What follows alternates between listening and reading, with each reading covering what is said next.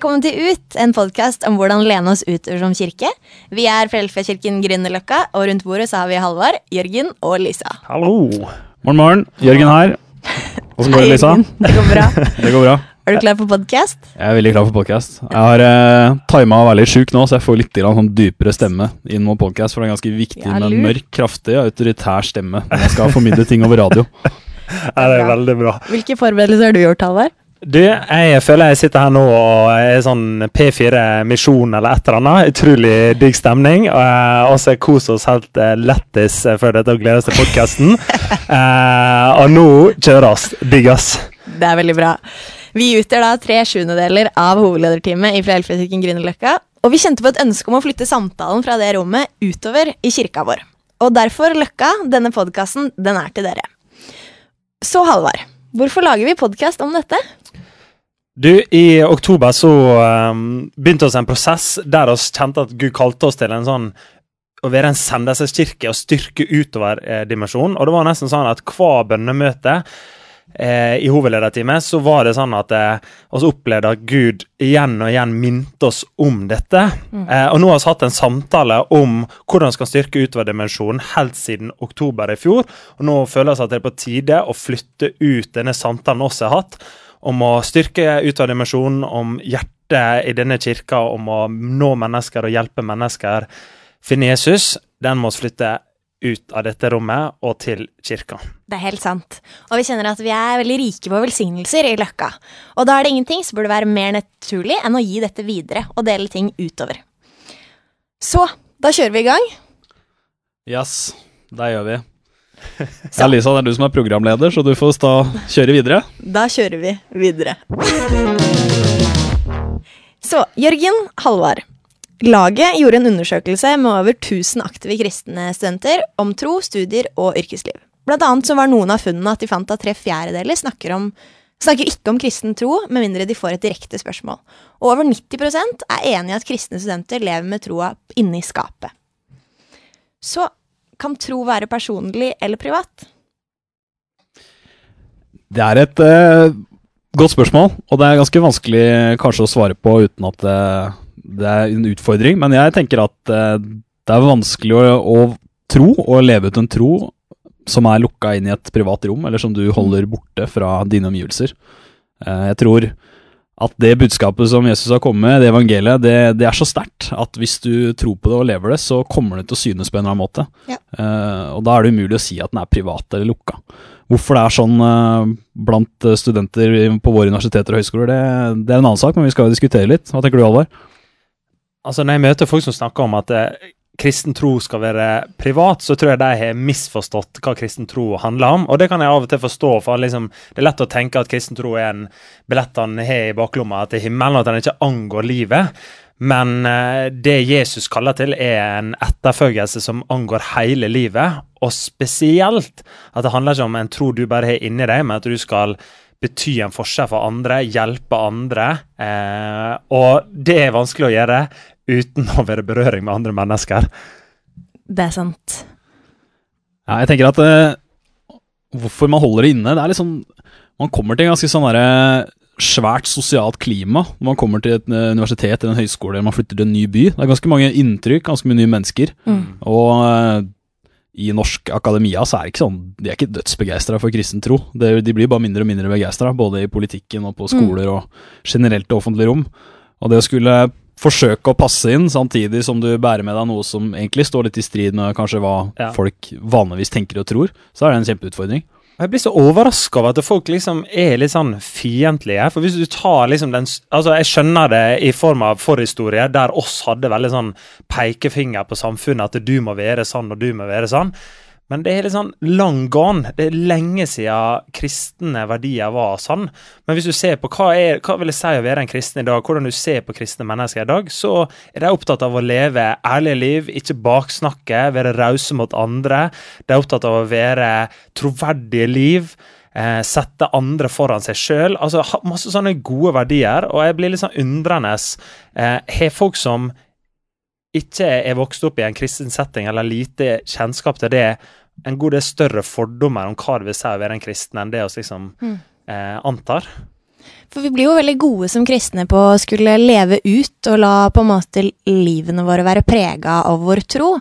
Eh, men eh, min opplevelse er kanskje det at man, eh, man dytter det å skulle være handlingene våre og alt eh, vi står i, skal liksom være gjennomsyra av det å være kristne.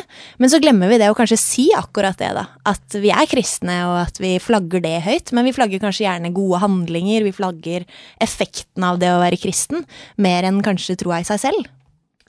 Ja, godt poeng, Elisa. Jeg kommer på, liksom, jeg driver og skriver en preken om Lukas 10, og der sier Jesus eh, spis eh, med, med, folka, og så sier han helbred de syke, og si at Guds rike er kommet nær.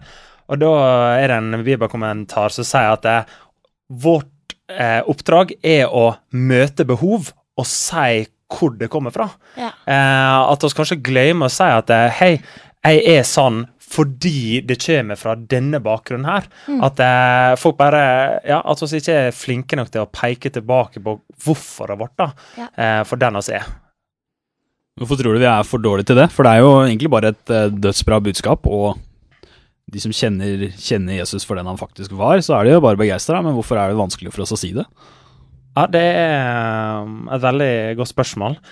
Um, jeg tenker liksom at det, det, kan være mye sånn at det er bra intensjoner òg. Jeg har lyst til å bare være en kompis. Jeg har lyst til å være venn med de som er på studiet mitt, og jeg veit at hvis jeg flagger ting for høyt, så kanskje det er litt tøft å, å stå i det. Tøft mm. å dyrke relasjoner fordi vi er prinsipielt uenige om ting. Eller kanskje noen har opplevd vonde ting som har følt at de har blitt invadert på, på noen måte. At det derfor er vanskelig å si det. Ja. At det er egentlig på en måte en, en, hyggelig intensjon, en god intensjon. At eh, jeg har lyst til å være nær deg og tett på deg, men at vi kanskje misforstår litt at det å være tolerant til alt kanskje ikke er synonymt med å være kristen, eller mm. kristen tro. Mm. At vi må tåle å, å, stå i litt mer spenn i relasjonene våre. Ja. ja. Og så kanskje, jeg tror jeg på en måte kanskje også misforstå, eller at det er en liksom misforståelse av at jeg, eh, og skal liksom drive og konvertere mennesker mer enn å velsigne mennesker. Eh, jeg tror mm. det er lett i, i, i kristen tro å tenke at det, din jobb er eventuelt eller liksom, Jeg tror det er en myte både kristne og ikke-kristne kan tenke, at det er deres jobb er å konvertere folk til en religion. Ja. Men det handler ikke om å konvertere folk til en religion, det handler om å introdusere mennesker til en relasjon. Og til folk som er interessert, og, og som handler om å velsigne mennesker med gode gaver som Gud har lyst til å gi. Um, og der tror jeg at uh, hvis vi klarer å, å, løfte opp dette her velsignelsesperspektivet, mm. at uh, det å være en kristen handler om å være en velsignelse til andre. Uh, og det handler like mye som å gi folk en kaffe, om å være raus og ikke baksnakke, til å også snakke om troa vår på en naturlig, ikke-pressende måte. Men at det hele hvorfor det handler om å være en velsignelse for andre, da, og ikke skulle liksom utbre en religion eller mm. eh, få mer makt eller hva som helst, men det handler om godhet til mennesker, og mm. hjelpe eh, mennesker som har nysgjerrighet på tro, om å lede dem til Jesus. da. Det er veldig bra. Og så tenker jeg at det handler litt også om å eh, gi ære til Gud i de velsignelsene, i det man ja. står i. At man ikke bare tenker at eh, jeg skal være et godt menneske eh, i seg selv, men det handler om å vise hvem Gud er. For Gud er en god Gud, eh, og derfor handler det om eh, de velsignelsene vi gjør, at det kan få lov til å peke på hvem Gud er. Fordi det er der vår inspirasjon er henta fra, eh, som du nevnte, Halvard. Mm. Så tror jeg vi kan hjelpe hverandre med å prøve å korte avstanden litt fra fra de store ordene og de store tankene og følelsene og ned til liksom vår, uh, vår tilværelse. da. At det kan være langt fra kaffen i lunsjen uh, og gudstjeneste eller samtalen i småfellesskapsrommet som flyter bra og er bra om tro, til noen som ikke kjenner det. At vi kanskje må prøve å senke terskelen litt òg, for å snakke om de store tingene. Ja. Eller kanskje man kan åpne samtalen med å prate om litt andre ting med sine venner enn det man vanligvis prater om. Ja, veldig bra. Og det, det drar oss litt videre, fordi vi må videre. Kristenliv det er mer enn god intensjon. Det er ikke bare et religiøst spørsmål, men det handler om et livsspørsmål. Og her har vi sitat fra noe som eh, jeg opplevde som inspirerende. Og jeg tror kanskje jeg trenger en nynorsk eh, leser av dette sitatet, Halvard. Ja, da, nei. jeg bare tøyser. Halvard, du får ta det. Altså, Det hadde vært veldig deilig å fått uh, Jørgen på sin beste døling uh, indre Døling? Hed Hedemarking. Jeg er flatbygding, jeg. Ikke så sterk på geografi, altså. Eh, men eh, du har veldig fin stemme. Du, jeg vil gjerne lese det. Har en da nok med si egen bør, kan en ha interesse for andre sine byrder når en blir tynga av si egen. Ja, det er underlig at nettopp pga. si egen bør kan en det. Kan hende det var nettopp derfor du fikk de egen, for at du skulle lære deg å være i stand til å hjelpe andre med deira. For jeg kan ikke forstå å ha kjensle for en annen si bør dersom jeg ikke sjøl er kjent meg tyngd av bører. Og det forunderlige hender at når vi er villige til å bære andre sine bører, blir vår egen lettere. Men nekter vi å bære andre sine, skal vår egen bør bli tyngre og tyngre for oss. For, et, for en tyngre bør enn et egoistisk hjerte ber ingen på jorda. Dette var et sitat fra Martin Marling eh, i avisa på Vestlandet. Eh, og um, Halvard, jeg husker du hadde med dette i en tale. Eh, kan ikke du fortelle litt eh, historien bak dette sitatet? Min mormor eh, opplevde å måtte bli hjemmesykepleier for eh, sønnen sin idet han eh, fikk MS når han var 21 år. Så han, fikk han en alvorlig grad av det og gjorde at han ble totalt funksjonshemma og kunne ikke engang klø seg på nesen og var helt avhengig av 100 stell eh, i en tid der hjemmesykepleien ikke var så sterk. Mm. Og midt i det så um, brukte min mormor uh, å finne næring i troen til å stå i den hverdagen som hun sto i, uh, der å hente inspirasjon fra bønner, andakter, uh, slik at hun kunne holde ut Mm. og hjelpe andre midt i at hun sjøl hadde det tungt. Og dette her var en av de uh, avisutklippene av en andakt som hun tok vare på, og som las om igjen og om igjen. Ja, det er fint og inspirerende, og jeg merker at jeg får veldig respekt for det å eh, handle på det man, eh, det man kjenner at eh, hjertet går og bærer på, og ikke bare ha det som en god intensjon. Mm. men av og til så kan det være vanskelig å dra dette ned til at det faktisk blir en handling. Eh, fra de gode ordene og de gode tankene og de gode småfellesskapssamtalene. Men hvordan kan vi minske nettopp dette gapet mellom intensjon og handling? Her tenker jeg uh, Jørgen er helt perfekt, som har gått i idrettshøyskolen og lært masse om hvordan han får liksom, idrettsutøvere til å prestere å ta oss et uh, steg nærmere. Og så tøyser litt i lederteamet at han er vår performance coach, eh, som hjelper oss å liksom ta ett nytt steg. så det er gøy å ha Jørgen innpå. Liksom, hvordan kan vi minske gapet mellom intensjon og handling? For det er ikke bare et religiøst problem, men det er et problem-problem. Ja, takk for den eh, ballen der.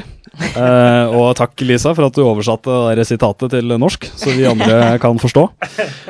Nei, det her er jo eh, Hadde jeg kunnet svaret på det her, så burde jeg egentlig ikke sagt det og tatt patent på det og solgt det for masse penger, for dette Ja, her er jo det lurt. alle lurer på.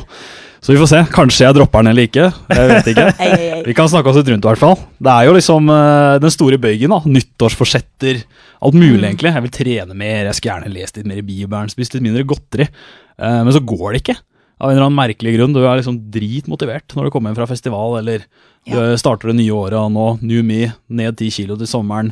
Alt virker liksom uh, greit, planen er klar. Ja, word. Shout-out til Sindre Eitze og Halvard som jobber. uh, skal ikke snakke mer om det. Men uh, jeg kjenner også sjøl at den dørstokkmila kan være fryktelig lang. Og at uh, ikke alltid bare at jeg liksom ikke klarer å stå i det, eller ikke er motivert nok, men at jeg rett og slett bare glemmer det noen ganger òg. At det Mm. bare blir borte fra hodet mitt, for det er så mye ting å tenke på. Mye i livet er liksom internalisert allerede, som går litt av seg sjøl. Men så er det liksom alle disse nye tingene som jeg har lyst til å legge på, som Det blir rett og slett bare borte i ting. Ja. Det er Plutselig så har det gått to uker, og så Oi, jeg skulle egentlig be litt mer for kompisen min, eller vi skulle prøve å bruke litt mer tid sammen, og så har jeg ikke tenkt på det engang på to uker. Mm. Og Det er ikke fordi jeg er et kjipt menneske som ikke klarer å tenke på andre, men det er fordi man, vi fyller livene våre med så sinnssykt mye. Og jeg tenker liksom at man må, man må begynne litt i det, det små, og så kanskje prøve å som jeg sa, internalisere ting. Legge til litt og litt, og prøve å gjøre det til vaner. Halvard, du har jo snakka litt om eh, vaner tidligere.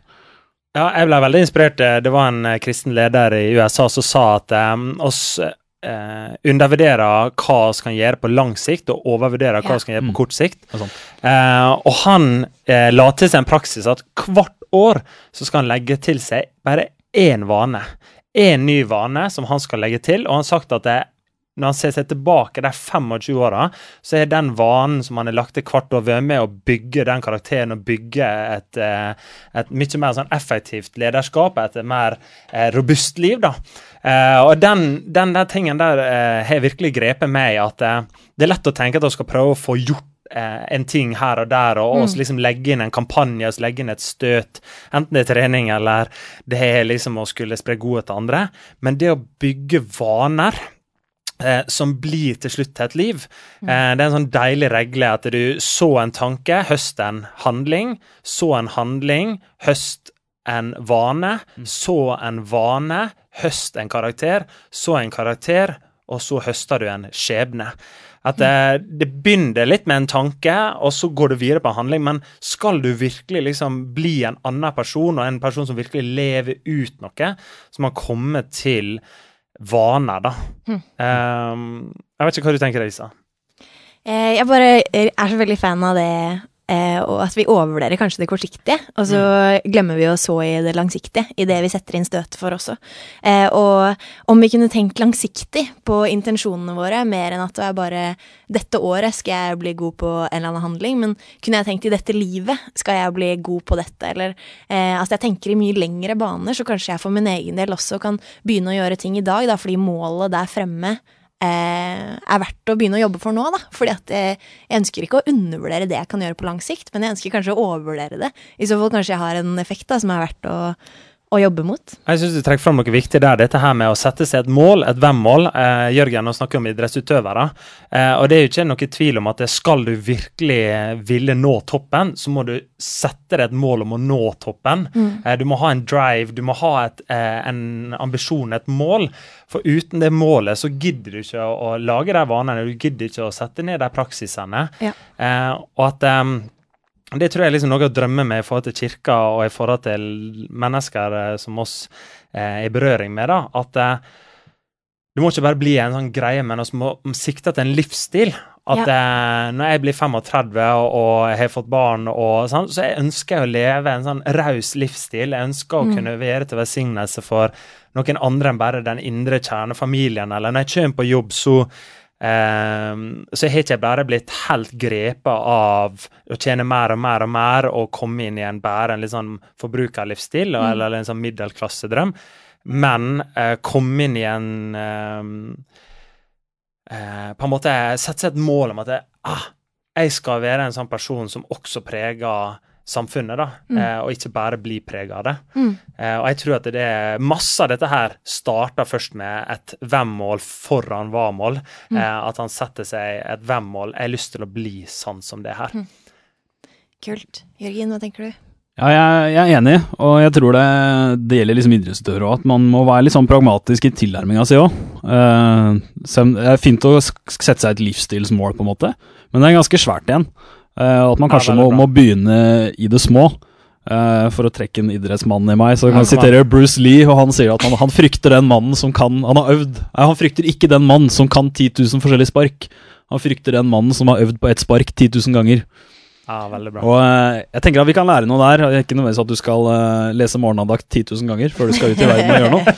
Men at uh, man kan hente noe der, at man kan begynne med noe og bli god på det lille, og Ja. så gå videre.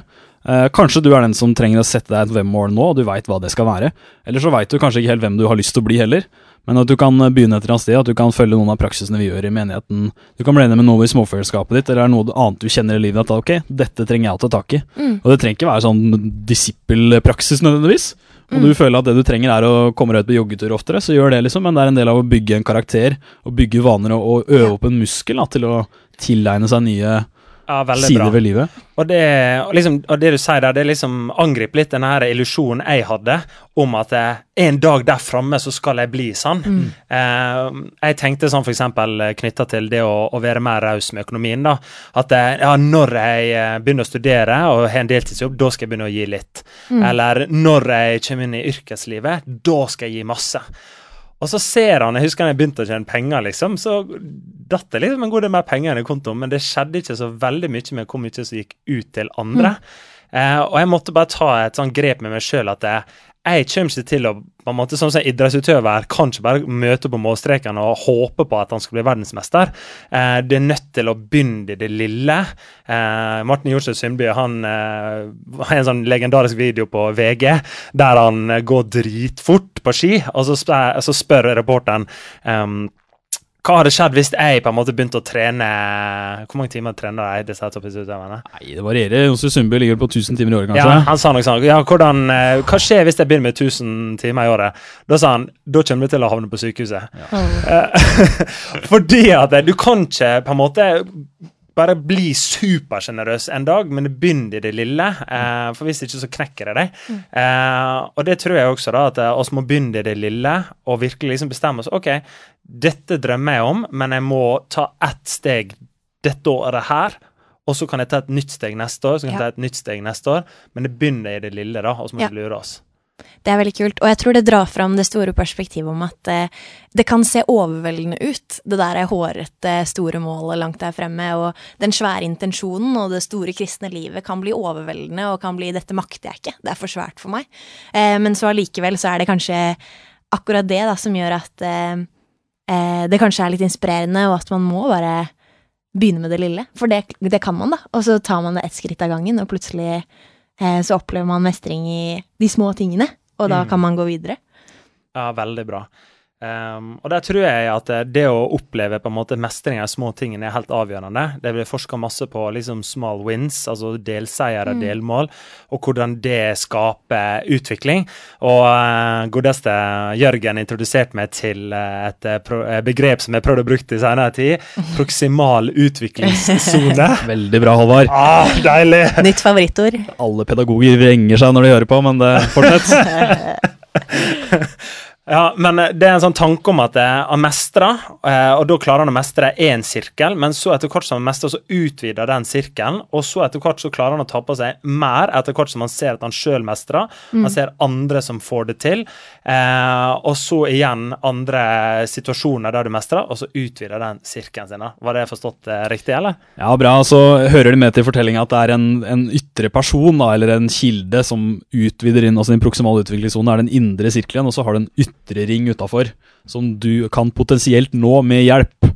Eh, men den utvider seg jo etter hvert, avhengig av hvem du er sammen med, og også hvordan du utvikler deg. Mm. Så jo mer du utvikler deg, jo mer utvikler jo du din indre sone. Eh, og til slutt så fyller du kanskje den ytre, og du må kanskje se etter nye ting. Men det er kanskje litt det her det handler om òg, at du må se ditt nå-potensialet. Altså ditt potensial om 10 år, 15 år, det kan være noe helt annet enn det er i dag. Men det er for den tida. Eh, du må være her, og du må være nå, for å kunne begynne på den reisen. Veldig bra. Kan jeg spørre dere om noe? Fordi at um, det kan jo bli en veldig sånn uh, handlingsfokus, uh, og at man liksom skal gjøre så mye, og kanskje uh, så blir det nesten litt sånn press allerede i en generasjon som kirka vår er, hvor liksom man har vokst opp mye av det presset på å prestere, og alle disse um, navnene man har på generasjonen vår. Men eh, hvordan kan Eller hvordan strider dette, da, på en måte med prestasjon og presset. Ja, jeg pleier å si at du er jo ikke disippel før du er dritsliten. Nei, jeg er ikke det. Det er ikke det det handler om i det hele tatt. For dere som skvatt til nå. Nei, altså Det er gøy. Satte ut hele redaksjonen her. Du gjorde det. Nei, det er, eh, det er lett å kanskje henge seg opp i litt sånne ting. Og i Jakobs brev blant annet så står det at uten eh, gjerninger så er troen din død. Mm. Eh, Jeg tror ikke du skal gå og stresse hvis du ikke har tenkt noe hyggelig om noen andre på en uke, at du ikke kommer til himmelen. Eh, Men jeg tror at det det er en slags påminnelse om at det kristne livet handler om mer enn bare meg og mine indre følelser. Ja. Men det handler om meg i relasjon til andre. Mm. Eh, og det er sesonger i livet. Det er opp- og nedturer. Noen ganger så, så sitter du fullt med småunger og lån og alt mulig, og så dør tanta di, og så er, eh, er kjøret i gang. Og da er det ikke så lett å, å tenke ut. Nei. Mens andre ganger så har du kanskje overskudd, og jeg tenker at eh, Bibelen og troen vår den rommer det. Mm. Den rommer at det er forskjellige tider. Men at jeg tror at vi skal søke å være så tett på Jesus at vi får lyst til å gjøre andre godt. Ja. At vi blir så inspirert av det han har gjort for oss, at vi kan se utover uten at det nødvendigvis å så mye av oss, men at vi kan hente noe av den kraften som Gud gir, og den kjærligheten som Jesus har vist oss, at det er kilden vår til å tenke utover. Eh, ikke at vi skal Noen ganger så tror jeg vi må liksom kanskje pushe oss sjøl litt. Ja. At man kjenner seg utfordra. Og at det, er- det er en muskel man kan trene, definitivt. Men eh, det går an å overtrene. Mm. Eh, så. Summen av dette, jeg vet ikke. Halvard, klarer du å oppsummere? Nei, altså, Jeg skjønner hvor du henter tanken fra. fordi jeg tror spesielt, altså Norge er veldig prega av liksom sånn luthersk kristendom. Og luthersk kristendom introduserte jo ikke sant, nåden alene. Det er kun nåde. Eh, men jeg tror ikke at Luther nødvendigvis tenkte at eh, bare fordi vi er nåde, så skal ikke vi gjøre noe. Mm. Eh, sånn som enkelte eh, kan av og til påstå, og som kanskje eh, første spørsmål begynte med, ikke sant, er troen privat. altså at eh, fordi oss liksom, det er bare noe som eh, oss tar imot, så blir det liksom en himmelbillett å kunne ha nåde. Mm. Men um, jeg syns en uh, kristen teolog sa det bra, at uh, nåde er ikke en motsetning til uh, effort, altså å gjøre. It is opposed to earning, er det motsatt å fortjene. Eh, nåde handler om at oss gjør ingenting som gjør at vi kan bli mer fortjent til å få Guds nåde og Guds velsignelse. Eh, men det er ikke en motsetning til å leve ut og spre den velsignelsen videre til andre, da. Veldig bra. Eh, men jeg tror jeg tenker at liksom her må oss eh, ha masse nåde eh, med at oss eh, faller, oss eh, sliter med å ta de stegene og leve ut det livet som oss ønsker. Men eh, jeg tenker at um, oss kan få lov å gjøre det ut ifra en hvileposisjon, da. Ja. Vi gjør ikke det fordi at vi skal bli fortjent eller for at Gud skal elske oss mer, men vi gjør det fordi han elsker oss, og så ønsker å gi videre det han har gitt oss, da. Så Mm. det er en sånn eh, viktig sak. Og litt sånn som eh, Dødehavet òg. Det flommer jo inn med nytt, eh, nytt vann i Mm. Dødehavet, men det er ikke dødt fordi det ikke kommer mer inn av liksom, vann, men det er fordi det ikke renner ut at det blir så salt og så eh, dødt der, da, så det er ikke noe liv der. Men om man har både inn og ut av et hav, så vil det holde seg friskt. Og jeg syns det kanskje kan være litt en godt bilde på det vi ønsker i kirka. da. At vi har, vi har masse engasjement inn i kirka på Løkka, og eh, det opplever vi som kjempevelsignelse. Eh, og så må vi også være litt utover, og det er vi i livene vi er på. Men hvordan kan vi som kirke liksom backe hverandre opp i, i balansen mellom eh, opp og inn og ut, som de er de tre dimensjonene vi fokuserer på? Ja, veldig bra. Em, altså, jeg tenker jo at det handler mye om uh, å bygge vaner, da, som snakker om. At vi må minske gapet mellom intensjon og handling ved å uh, bygge gode vaner og ta sånne små steg. Uh, og at um, når oss har lyst til å utfordre hverandre til å leve et annerledes liv, ikke tenk bare kortsiktig. Ikke på en måte undervurdere det langsiktige, men Mm. prøv å begynne å tenke at jeg vil bygge et annerledes liv, der jeg begynner å bygge inn små vaner. Kanskje det er å gi litt til noen. Kanskje er det å um, sende en oppmuntringsmelding. Mm. Kanskje er det å, å engasjere deg i tjeneste. Altså Det er noen sånne små handlinger der du begynner det lille, og så kan Gud lede deg inn på noe større. da. Så tror jeg man eh, Det gjelder også å sitte her og du som hører på, men at man må stikke fingeren i jorda innimellom og ta tempen. Sjekke hvor er balansepunktet i livet ditt. Er jeg, på, eh, er jeg en innfase nå? Har jeg fått inn lenge? Har jeg fått noe ovenifra, eller har jeg gitt noe ut? At det er en, eh, et viktig del av det å være en disippel å ta en litt sånn realitetssjekk, egentlig. Ja. På hvor er jeg? Hvor er jeg i min tro? Eh, hvor er jeg i mitt lederskap til deg som leder, eller hvor er jeg i mitt tjenerskap, du som tjener? Noe vi alle gjør. Og kjenne litt på det, rett og slett. For å finne en slags balanse i der, så, så er vi avhengig av å måte ha noe å orientere oss etter. Ja. Eh, vi orienterer oss etter forskjellige punkter, men eh, det kan være så mye, og det kjenner kanskje folk best sjøl. Men å ta tempen rett og slett på din egen tilværelse. Mm. Hvor er du? Det er et hot tips. Eh, og kanskje en liten utfordring til alle som sitter her, og som hører på. Eh, å bare kartlegge litt min opp-dimensjon, min eh, ut-dimensjon og min inn-dimensjon. Hvordan kan jeg balansere livet mitt på en ålreit måte? Og Halvard, Skal vi eh, gå videre? Vi, vi går videre. Herlig.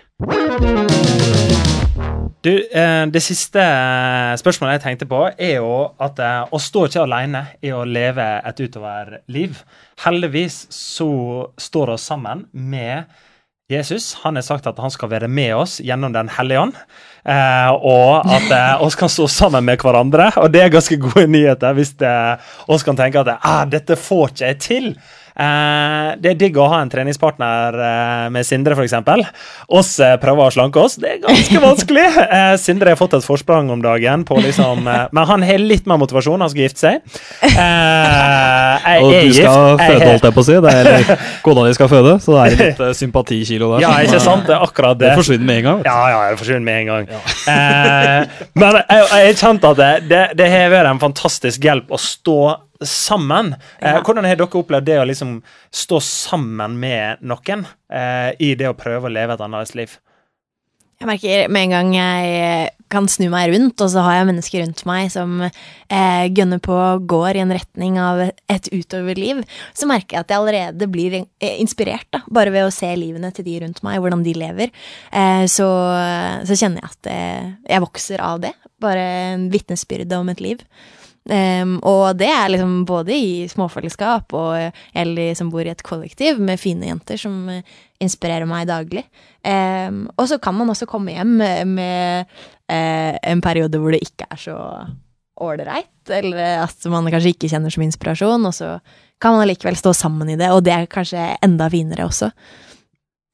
Jeg kjenner med en gang du begynner å prate om det, Halvard, at det, det er forskjellige mennesker som dukker opp i hodet mitt. At jeg kjenner på takknemlighet over folk som jeg går sammen med nå, eller som jeg har gått sammen med tidligere. Mm. Folk som jeg har fått vært leda av, eller har leda, eller leda sammen med. Uh, og det er kanskje ikke så lett å se det der og da, selv om man kjenner det da, men jeg ser tilbake nå at det er, det er ganske mange jeg, jeg har mye å takke for, for at jeg er der i dag. Og som jeg rett og slett ikke hadde kanskje stått i distanse med hvis jeg ikke hadde hatt de rundt Mm. meg. Jeg blir litt sånn nysgjerrig. Vil du dele en historie av en av de du tenker på? Jeg har en, en gammel eh, pastor hjemmefra, Kjell Eriksen, Philadelphia Hamar. For deg som kjenner den. Hvis du hører på Kjell. Elsker bollene til Anne Jorunn. De er gode. Eh, jo, det var en periode han var pastor i Philadelphia Hamar, og vi var en guttegjeng. Jeg var sånn 15 år gammel, og han, eh, han hosta et ungt lederskapskurs der vi ble invitert inn i stua. Og eh, det var kult der og da. Jeg fikk være med hver en av gutta, og vi fikk lov til å liksom forberede oss og lede litt hver temaer eh, sammen. Uh, snakke om integritet, snakke om innflytelse. Ganske sånne store ting, egentlig, men pakka inn en veldig sånn bra greie for oss. Eh, og han var der virkelig for oss. Han hadde Ja. satt av tid til å prate med hver enkelt. Han så oss, han ønska oss velkommen. Eh, og man følte seg så bra rundt Kjell hele tida. Så jeg traff ham på led nå for, i februar, og jeg bare kjente det som shit. Nå må jeg gå og takke ham for det han har betydd. Altså, for det- jeg, jeg er der i dag mye av at jeg ble sett da og gitt en sjanse. Og Mm. fikk, eh, fikk undervisning og fikk en arena å utfolde meg på. Uh, som har vært utrolig bra og utrolig, en, en rik velsignelse i mitt liv. da. Bra. Og jeg tenker også dette er jo en sånn Hvordan kan jeg leve et utoverliv? Jo, jeg kan bety det for noen som kommer etter meg, da. Hvordan kan jeg allerede i en eh, posisjon av eh, ung og eh, på en måte ikke så vidt i gang med livet, hvordan kan jeg også fokusere på å gi videre allerede nå? At det ikke bare blir en ting jeg begynner med når jeg er 70, men hvordan kan jeg investere i de som kommer etter meg allerede nå, da? Eh, og sånn sett leve et utoverliv. Ja, veldig bra. Eh, jeg eh, tenker også på flere. Jeg tenker spesielt på en kompis som heter Jan Arve. Eh, og så også Torgeir og dere i, lederteamet. At det å stå sammen med noen hjelper deg til å holde fokus på en helt annen måte. Ja, det Eh, Jesus sier jo det at han sentrer ut to og to, og jeg tror det er en grunn for at han sentrer ut to og to. For det er så mye enklere når den ene faller, så kan han hjelpe den hverandre opp. Eh, at det å stå sammen er helt essensielt hvis du skal leve et utoverliv. Eh, så um, jeg tror at jeg ønsker å leve en sånn type livsstil, så må du koble deg på andre mennesker som lever en sånn type livsstil som du ønsker å leve. Eh, lær av dem, bli kobla på hjertet deres, eh, lytt til rådene deres. Eh, men ikke bare finn folk som du kan se oppover til, men finn også det han sier på engelsk peers, likemenn. Eh, Finn noen som brenner for det samme som deg. Eh, for kirka handler ikke bare om eh, at du skal bygge kirke, men du som har en brann til å påvirke samfunnet. Finn noen som er i den sektoren, den eh, miljøet du er i, som ønsker å bety en forskjell der, og så koble sammen med den. Ja, Eh, inspirere hverandre, ta kaffe her, stikk på lederkurs sammen. Mm. Eh, for det å stå sammen med hverandre, da. Eh, og der tenker jeg også bare Hvis du er også litt sånn ekstra gira på dette her med eh, dele tro, eh, så er det også noe som heter Snakk om tro annenhver tirsdag. Eh, der er også mennesker i vår kirke som har på en måte et sånn jeg har en spesiell gave til dette, jeg har en brann for dette. Ja. Eh, Koble på med sånne mennesker. Eh, la oss stå sammen, eh, for det tror jeg er en veldig viktig ingrediens for å kunne leve utover. Det er helt sant. Og jeg lover at den gjengen er en engasjert gjeng. Eh, det bare lukter engasjement i det rommet etter at de har vært der. Herlig. Dere, vi skal runde av denne podcast-session, men vi har en liten eh, morospalte, en feirespalte. Eh, så kan ikke dere mm, Halvard, kan ikke du bare ta oss eh, videre i eh, denne spalten? Du, og skal ha feirespalte! Feire, feire, feire. Eh, du oss prøver alltid å feire ting. På kort redaksjonsmøte, kort ledermøte hos he, så har vi en gladsak, en feiresak.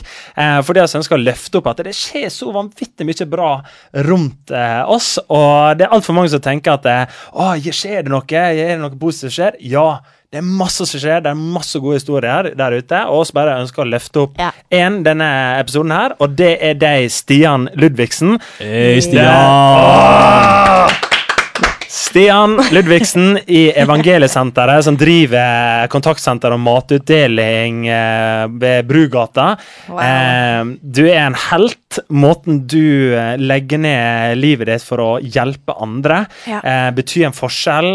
Du, det, det som inspirerer meg, er at etter å ha stått så mange år i rus eh, og på en måte belasta miljøer, så har ikke du mista trua på at det ennå er det håp som Ja. er slagordet deres. At det fins forandring for mennesker sitt liv, at det nytter, at det er en forskjell, og at du bryr deg om enkeltmennesker. Det skaper en sånn vanvittig inspirasjon for oss. Og så vet jeg at du er god på å ha et bærekraftig liv midt i det. At du tar deg ferier, at du passer også på deg sjøl, så at du kan holde lenge, så at du kan hjelpe eh, flere over tid. Og du undervurderer ikke bare eh, det langsiktige, men du står i det, og så ønsker jeg bare å heie på deg. Mm. Stian Ludvigsen. Måten du har en passion eh, for Jesus, eh, hjertet du har for mennesker, at du er så praktisk i din kjærlighet til å dele ut mat til mange mennesker som trenger det, det gjør at oss har bare lyst til å feire deg. Ja. For en mann. Og For en takk mann. for hjertet du gir til oss eh, resten, som bare får lov til å eh, ane lukta av deg av og til når du stikker innom Løkka. Og så er jeg glad for å stå sammen med deg eh, og Evangeliesenteret sitt arbeid som kirke, og både Ja. være finansielle partnere, men også være med og bidra på frivillig basis der. Jeg sender medarbeidere, så det er bare Du er digg. Det er veldig bra. Takk for at du hørte på, kjære lytter. Eh, følg med. Neste episode kommer en gang. Det blir rått. Det blir rått. Ha det! Ha det!